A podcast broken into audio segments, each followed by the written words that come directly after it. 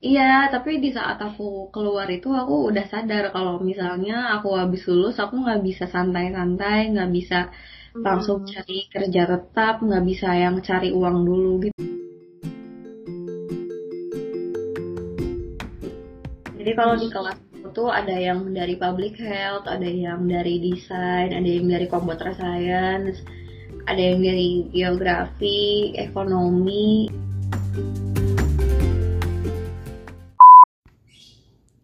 Halo teman inspirasi. Selamat datang kembali di Salam Crispy. Yeay.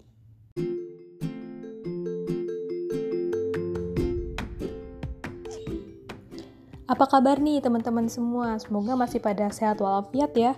Walaupun sibuk kerja, sibuk ngerjain tugas mungkin ataupun yang sibuk di rumah seperti aku.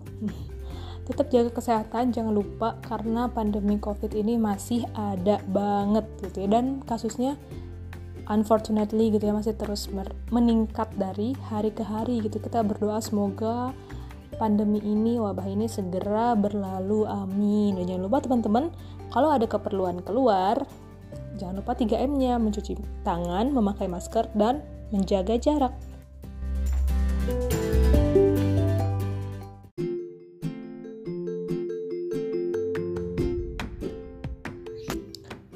Nah, di episode baru kali ini, baru lagi nih kita ya, karena udah lama banget nih break dari kapan tuh terakhir ya? Ada yang masih inget?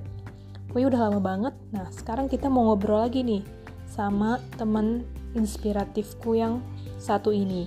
Dia namanya Sarah Jasmine. Dia sekarang lagi melanjutkan studi S2 di UIUC Amerika Serikat.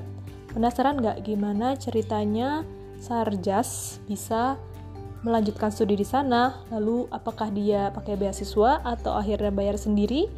Atau juga tentang kisahnya yang meninggalkan program fast track-nya yang sempat dia ikutin? Hmm, menarik bukan? Bukan? Bukan? Dengerin selengkapnya di podcastnya ya.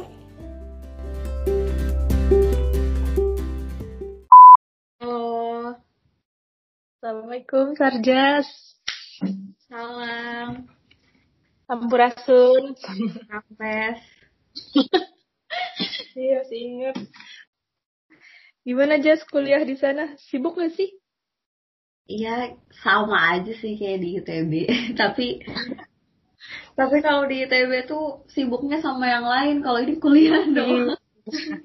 Bener-bener. Oke di luar kelas ya. Betul kamu tuh ngambil major major apa sih di sana? Sama urban planning juga. Tapi Itu- urban. Jadi emang fokusnya tuh kota banget gitu. Hmm, iya iya iya. Boleh ceritain dong Jas, gimana awalnya kenapa bisa sampai Illinois gitu. Kenapa Illinois gitu. Terus kenapa akhirnya memilih ke sana? Setelah sebelumnya kan pernah sempat apa fast track kan. Terus akhirnya mundur, bolehlah diceritain dikit. Aduh. Oke, jadi sebenarnya um, pertama aku nggak mau mendiskreditkan program fast track dari. ITB ya. Mm-mm. Bagus lah itu. Ya, iya kan semua orang punya jalannya masing-masing. Tapi ini personal aku aja, aku ngerasa eh dulu tuh aku nggak nambah ilmu aja sih, Ma. aku cuma nambah capek gitu. Soalnya rata-rata ilmunya udah dipelajarin pas S1. Ya. Hmm. Mungkin ya mungkin teman-teman yang fast track ngerasa beda juga sih kan. Aku cuma fast track satu semester jadi aku nggak bisa ngomong banyak juga. Cuman yang aku rasain mungkin sebenarnya mungkin nambah tapi em, akunya yang kurang bisa berubah gitu Bil kalau misalnya satu kan eh, belajar Baru ya. cuma ujian doang kan terus sama gitu waktu pas fast track jadi Hmm. nggak nemu pola yang baru aja dan em, deketnya juga sama anak-anak S1 lagi gitu jadi Hmm. ih sama aja sama S1 terus eh, waktu itu tuh aku datang ke acaranya HMB kebetulan waktu itu tuh ada Kak Wahyu sama Kak Tata kan. Kak Tata kan ke uh, aduh aku lupa. Katanya di Groningen ya di Belanda. Terus kalau Ayu waktu itu di VL terus gara-gara itu aku langsung kepikiran gitu kan. Aku pengen banget kuliah di luar negeri dari dulu banget dari hmm. SMA hmm. udah kawita banget lah S2 pengen di luar. Cuma waktu itu um, disuruh orang tua dan emang fast track tuh good deal banget ya lima tahun bisa dapet master gitu dan bayarnya murah waktu itu ya kalau dari S1 Gak usah nambah-nambah lagi, gak usah tes lagi, gak usah capek-capek ya tiba-tiba udah dapat MT aja gitu kan. Ya MPWK ya sekarang. Ya, MPWK. Kan uh, ya udah aku uh, berpikir untuk pengen cabut dari fast track, terus akhirnya ya sempat konflik juga lah sama orang tua. Hmm. karena aku nggak nurut lah istilahnya ya, saya aku pengen pengen coba yang lain gitu. Akhirnya aku keluar. Ya hmm, sebenarnya dari situ.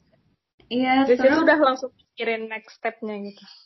Iya, tapi di saat aku keluar itu aku udah sadar kalau misalnya aku habis lulus aku nggak bisa santai-santai, nggak bisa langsung hmm. cari kerja tetap, nggak bisa yang cari uang dulu gitu karena uh, ya aku janji waktu itu ke orang tua ketika uh, aku udah ngebatalin fast track berarti aku harus bikin janji untuk S2 gitu kan.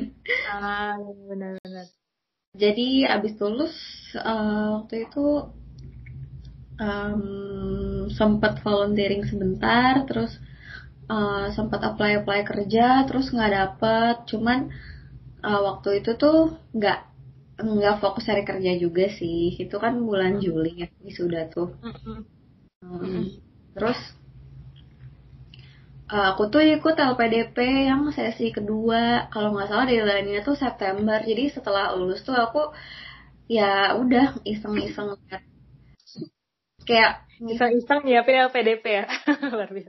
Nggak iseng nyiapin LPDP iseng lihat universitasnya oh. aja soalnya LPDP kan listnya tuh dikit banget ya pas tahun 2019 tuh Hmm. Terus kayak galau banget kayak aku belum dapat kerja. Terus ntar gimana ya um, jurusan apa yang kira-kira aku bisa daftar kalau misalnya aku fresh grad gitu. Nggak mungkin aku um, ganti jurusan yang sejomplang itu tanpa ada pengalaman pekerjaan kan.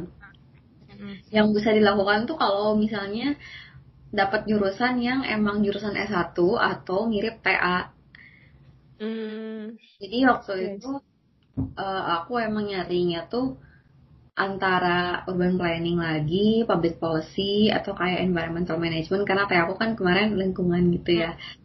Hmm. Ya udah cari-carinya di ranah itu aja. Terus uh, ngurusin LPDP, cek kesehatan, bikin surat, cari surat rekomendasi.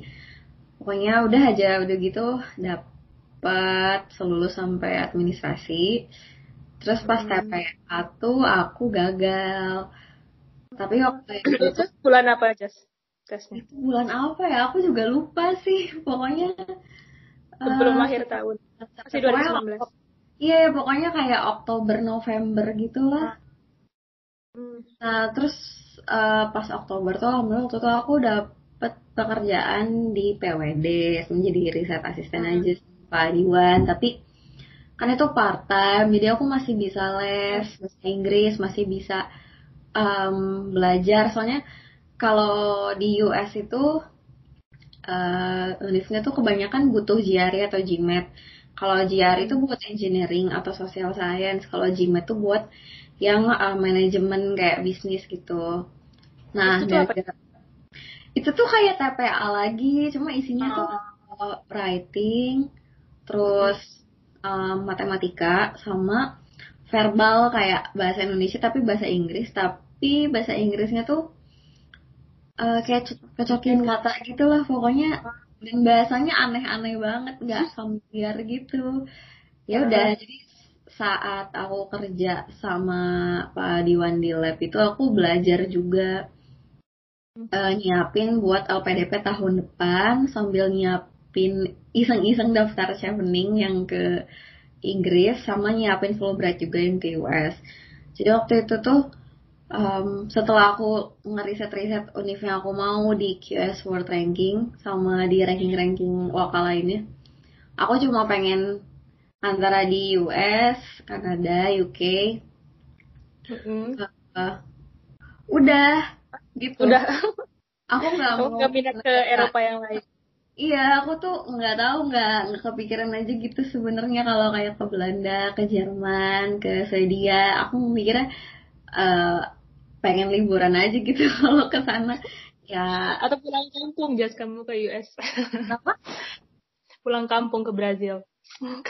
Jauh banget di Brazil bagus univnya. Jadi ya, ya aku eh, mikirnya yang kira-kira si tempat univnya tuh bagus lah. Soalnya kalau ya aku ngerasa kalau di US sama UK itu mereka leading negara apa ya leading di universitasnya dan studinya gitu loh.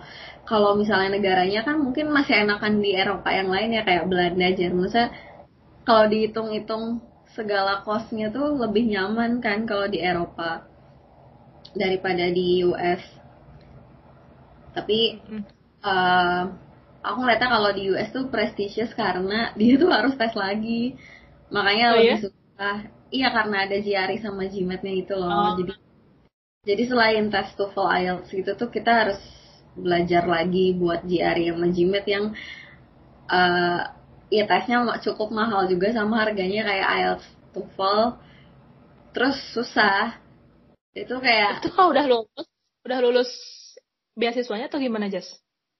belum. Waktu itu tuh Oh, waktu itu aku emang menghindari GRE GMAT karena aku nggak mempersiapkan aku buat ke US banget gitu loh. Aku nggak Hmm. yang pengen nomor satu di US gitu. Aku pengennya pokoknya antara US UK atau Kanada gitu. Nah Mm-mm. cuman kebetulan si si universitas yang waktu itu aku daftar di LPDP yang ada di Kanada itu mereka ngerekomendasiin ngambil GRE jadi um, mungkin nanti kalaupun aku nggak butuh GRE at least aku ada skornya dulu lah gitu Ah, I see, I see. Tuh.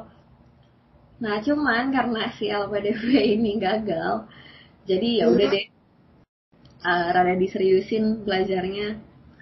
Terus, um, sebenarnya lucu sih kenapa akhirnya di UIUC itu. Awalnya tuh aku juga sempat ngeliat UIUC waktu di US, cuman aku nggak masuk uh, masukin ke pilihan aku karena dia tuh nggak ada di LPDP. Mm-mm. Dia tuh IELTS tinggi banget, 7,5. Kayak astagfirullah, susah banget. Luar biasa ya. Iya, terus em IELTS aku kemarin cuma 7. Cuma untungnya kalau UIS itu dia bisa kita masuk enam setengah atau 7, tapi nanti ada kelas bahasa. Jadi sekarang aku masih ngambil Hmm. kelas bahasa wajib gitu. Mm-mm. Cuman Oh, bisa gitu. ya, bisa kayak gitu. Cuman ya itu em, tergantung kasusnya ya. Maksudnya itu kan eh, admission universitas kan ngelihatnya semuanya komprehensif aplikasinya kan nggak cuma tes doang jadi Mm. ya nggak nggak Nilainya udah bagus. nggak jadi bener-bener pertimbangan utama juga dan kayak jari aku juga sebenarnya nggak bagus-bagus banget kayak bener-bener ah gitu bagus. ya banget sumpah ya cukup aja untungnya untuk masuk gitu Mm. ya udah deh itu jadi pakai beasiswa yang mana? Atau enggak beasiswa? jadi oh iya em, jadi kalau UIS itu awalnya aku tuh lupa ya tahu dari mana pokoknya aku tuh dari guru ITB kalau nggak salah Bu Teti sih waktu itu dia nge-WhatsApp aku Sarah kalau masalahnya mau eh, sekolah daftar ke UIC aja. Soalnya ada dosen yang lagi nyari eh, mahasiswa Indo dan dia mau menjadiin aku riset asisten. Terus ya udah deh akhirnya kenalan. Terus ya udah bikin kontrak gitu. Terus aku daftar ke UIC terus keterima. Eh, terus ya udah aku jadi riset asisten. Tapi itu cuma satu tahun. Cuma lucunya adalah ternyata dia tuh ngemundurin jadwal beasiswa aku. Jadi sebenarnya semester kemarin aku masih bayar cuma karena Oh, iya. karena em, ada miskom ya bayarnya nggak nggak full. Jadi masih bisa terbayar lah gitu. Saya bukan yang bener-bener tuition semuanya karena biaya kuliah di US mahal banget. Bener-bener dua kalinya kalau di Inggris gitu kan.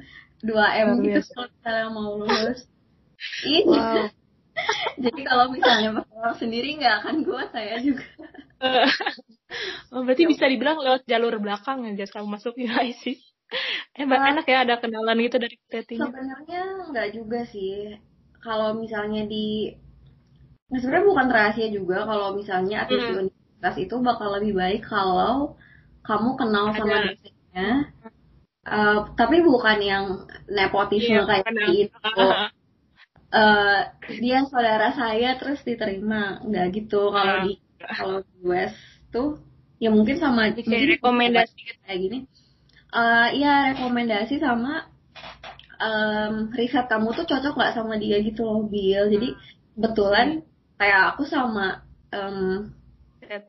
nyambung. Iya sama lektur dia tuh mirip gitu. Jadi ya udah pas aja. Maksudnya aku nggak tiba-tiba yang eh, misalkan kayak aku lingkungan, terus dia emang spesialisnya di lingkungan gitu. Nggak Hmm. kayak aku kemarin ngurusinnya transport terus gitu, nggak kayak gitu. Hmm. Itu kalau kuliah di sana tuh sistemnya sama kayak SKS gitu kah atau SKS sama kamu sekarang ngambil, ngambil berapa SKS? em, wajib mm, 16 SKS jadi 4 matkul. Pokoknya Hmm. buat itu kamu butuh 64 SKS kalau nggak intern. 64 SKS bagi 4 semester kan berarti satunya 16 ya. Mm-mm. Wah. Berarti tapi masih WF eh WFH, masih SFH, masih di rumah, di asrama. Ya, jadi sebenarnya Atau pas, ada offline? fa- fa- pas fall kemarin tuh ada kelas yang bisa datang in person tapi sekarang semuanya online. Tapi eh, gedung kampusnya dibuka kalau mau bikin appointment atau Hmm. reservation gitu. Jadi sebenarnya bisa dipakai kalau mau belajar ke kampus. Dan aku juga suka ketemu langsung sama dosbing aku. Jadi ya gak apa-apa juga sih. Mm-mm. Ya, sama aja soalnya kalaupun kita datang ke kampus tuh karena nggak semuanya ada di kampus dan nggak semuanya bisa datang dan masuk jadi emang semuanya tetap masih pakai zoom meskipun kita di dalam ruang kelas juga Mm-mm. Jadi sama aja kalaupun di sekolah sama di rumah Iya sih. Kalau di sana S2-nya belajarnya ada tetap ada kuliah gitu atau udah fokus research gitu sih, Jas? Terutama di US ya. sama sama aja sekolah khusus. sama aja kok kayak ya kayak di Indo sih sebenarnya soalnya nggak semuanya eh, dari urban planning kan backgroundnya Hmm. Jadi kalau di kelas tuh ada yang dari public health, ada yang dari desain, ada yang dari computer science, ada yang dari geografi, ekonomi, ada yang dari dulunya ilmu politik gitu. Jadi Seru uh, banget. iya ada yang dulunya arsitektur juga. Jadi nggak nggak semuanya urban planning, makanya ada kelas lagi. Dan um, bisa jadi advantage juga ya kalau misalnya dulunya um, urban planning terus urban planning lagi jadi nggak mikir dua kali gitu cuman uh, tetap beda sih teori-teori dipakai sama praktiknya kayak gimana. Kan kalau waktu di Indo kan kasusnya di Indo gitu ya. Kalau di sini kan Hmm. kasus di US jadi tetap belajar lagi juga gitu. Kalau di US tuh kayak gimana sih planningnya? Kayak rangkot-rangkot tuh beda gitu Bill kayak istilah-istilah Iya. KDP, KLB nah yang kayak gitu itu juga beda jadi tetap belajar lagi Banyak deh yang dari urban planning juga kayak kamu. banyak tapi em, kebanyakan tuh dia ngambil minor gitu Bill jadi kalau di sini tuh cukup banyak. Misalnya me misalnya majornya misalnya temen aku tuh dari Korea dia majornya computer science tapi minornya urban planning. Jadi waktu pas S1 dia kuliah lima tahun empat tahunnya computer science satu tahunnya Oh. urban planning terus gitu. Iya jadi bisa double degree gitu loh orang-orang tuh banyak juga yang kayak arsitektur terus urban planning ada yang urban design terus eh sorry desain interior terus minornya urban planning Keren ya. jadi ya jadi orang-orang tuh S2-nya yang di urban planningin S1-nya suka beda Hmm. juga yang dari urban planning terus urban planning lagi Kalau challenge paling itu belajar di sana apa sih, Jas? Selain tentunya kalau bahasa ya udah bias apa masih bisa teratasi lah ya. Kalau yang lain mungkin ada challenge-challenge tertentu yang aduh kok gini ya gini atau atau gimana? Atau nggak ada kalau saja sudah keep it up udah bisa bergabung bergabung berbaur dengan orang sebenarnya kalau komunikasi juga rada susah ya karena bahasa hmm. maksudnya kalau di plano kan uh, harus kayak community base gitu harus group base uh, uh, jadi kadang-kadang yeah, yeah. bingung gitu loh ngejelasinnya kayak gimana kan ke orang yang lain dan di kampus aku juga banyak juga international students jadi kayak setengah-setengah gitu hmm. setengah setengah, setengah orang internasional kenapa sama-sama bukan native English ya jadi iya banyak yang bukan native juga.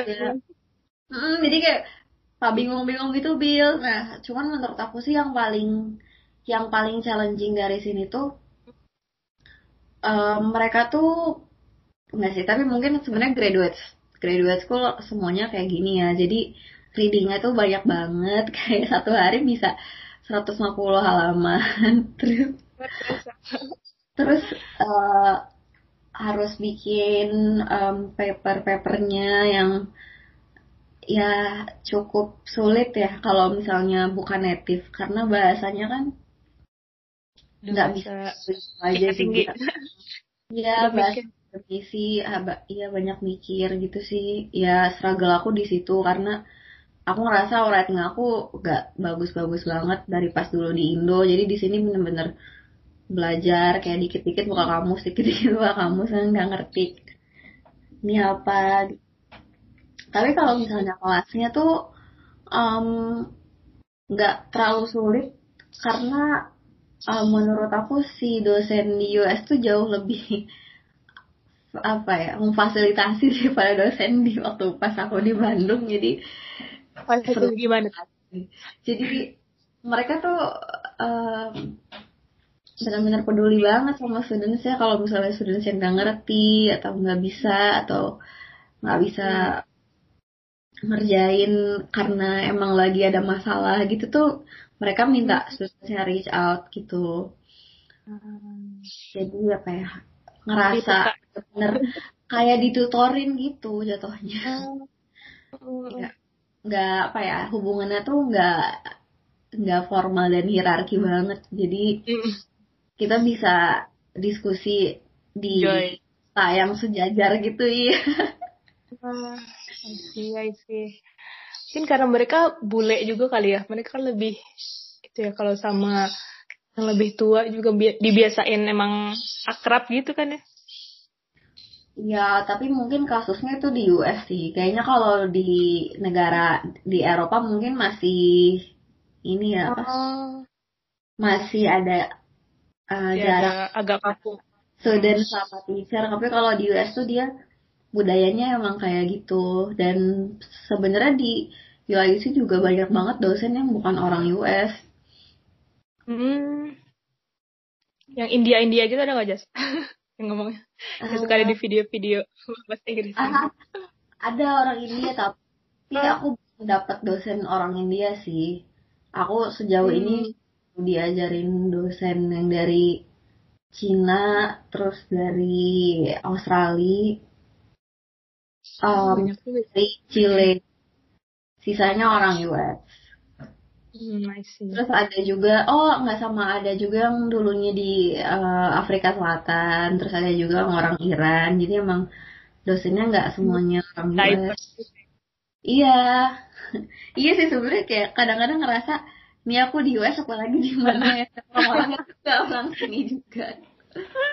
Iya berarti emang berarti di UIC itu kalau global rankingnya berapa sih, Jess? Aku lupa ya, tapi waktu aku masuk tuh 75. Kayaknya kalau sekarang tuh dia udah turun juga deh. Kita tahu berapa coba ya dicek dulu. Keren juga ya. Itu berarti ada di Chicago ya? Eh. Enggak, enggak. Kalau UIC itu dia um, dia jadi sebenarnya ini tuh public school ya. Um, hmm di Illinois, di state Illinois. Kalau di Indo tuh namanya provinsi gitu kan. Bentar ya kepo nih UIC sekarang ke 82. Hmm. Uh, terus kalau ya kalau di hmm, kalau misalnya Illinois tuh public public schoolnya tuh ada tiga ada University of Illinois at Chicago at Springfield hmm. sama Urbana Champaign. Nah aku tuh yang di Urbana Champaign nih UIC-nya itu rankingnya 82 kalau misalnya di UIC yang di Chicago itu ke 256 jadi beda padahal semua institusinya sama. Jurusan sekolah sarjas ya mungkin kalau di Bandung tuh jadi ITB Cirebon sama ITB Ganesha oh. sama ITB Nangor tapi rankingnya tuh dibedain gitu. Berarti satu. punya rektorat satu-satu gitu ya berarti? Iya gitu sejauh ini iya. udah explore es belum explore apa? Nggak ada apa-apa di sini. Ini kayak cuma di tengah ladang jagung aja. Tapi apa? Rui kayak apa um, bangunan yang tinggi tuh kayak bisa dihitung jari. Ya rural gitu ya? Aduh. Uh, nggak rural juga sih. Iya banyak ladang tapi kota. Jadi ladang jagungnya kalau di sini emang punya universitas juga sih. Oh. Jadi kamu menanam jagung? Atau panen jagung juga? Enggak, ya di sini se sekota kecil. Kota kecilnya tetap modern lah, nggak kayak di Indo. Jadi udah se setahun belum sih sebelum ya? di sana belum baru semester bedanya pas offline masih di Indo nih sama di sana sekarang apa aja enak nggak enaknya belajar kan sama-sama online ini ya konteksnya sama-sama online bedanya pas kamu masih di sini sama di sana paling kerasa apa bedanya sama aja sih sebenarnya kalau online learningnya karena online ya jadi di zoom cuma hmm. yeah. jauh lebih enak dari sini karena kan time zone-nya sama. Jadi gak jadi zombie lagi. Kalau semester lalu kan aku jadi zombie ya bilang. Kayak tidur jam oh, 4, jam 5, jam 6, jam 7 pagi gitu. Iya. 13 jam tuh gimana coba? iya kayak gitu kebalik-balik. Dan hmm. berefek juga sih yang kayak ngefek banget ke siklus bulanan aku terganggu sekali gara-gara itu. Berapa bulan sih kemarin kuliah kayak gitu? Lumayan nggak sih kalau tiap hari? Sampai Desember. Hmm, iya lima bulan. Lima bulanan ya. Saya kamu memutuskan ke sini karena pengen atau eh memutuskan ke sana karena pengen atau akhirnya ada sesuatu yang emang perlu dikerjakan di sana? Hmm, enggak sih, enggak harus dikerjain di sini, tapi aku ngerasa lebih lebih enak pengalaman aja, uh, biar biar tau lah soalnya kalau waktu dari Indo kan kalau misalnya ditanya uh, kotanya kayak gimana misalnya ada study case di Urbana atau di Champaign atau di kalau di US kan nggak kebayang kayak gimana gitu. Kalau plano kan kamu tuh harus bayangin dulu. Iya benar. tempatnya kayak gimana baru bisa ngomong kan. Sementara kalau dari Bandung kan aku cuma bisa lihat Google Maps. Nggak tahu kayak gimana nggak tahu orang iya nggak tahu orang-orang di sini tuh kayak gimana sih gitu. Tapi mm. kalau udah ini kan lebih kebayang oh gini ya maksudnya gitu mm -mm. benar-benar tapi kamu di sana tinggal di asrama atau kayak apa Jas? Aku di sini di apartemen, tapi apartemennya emang punya universitas juga. Hmm, berarti masih satu kompleks sama kampus? Masih. Hmm.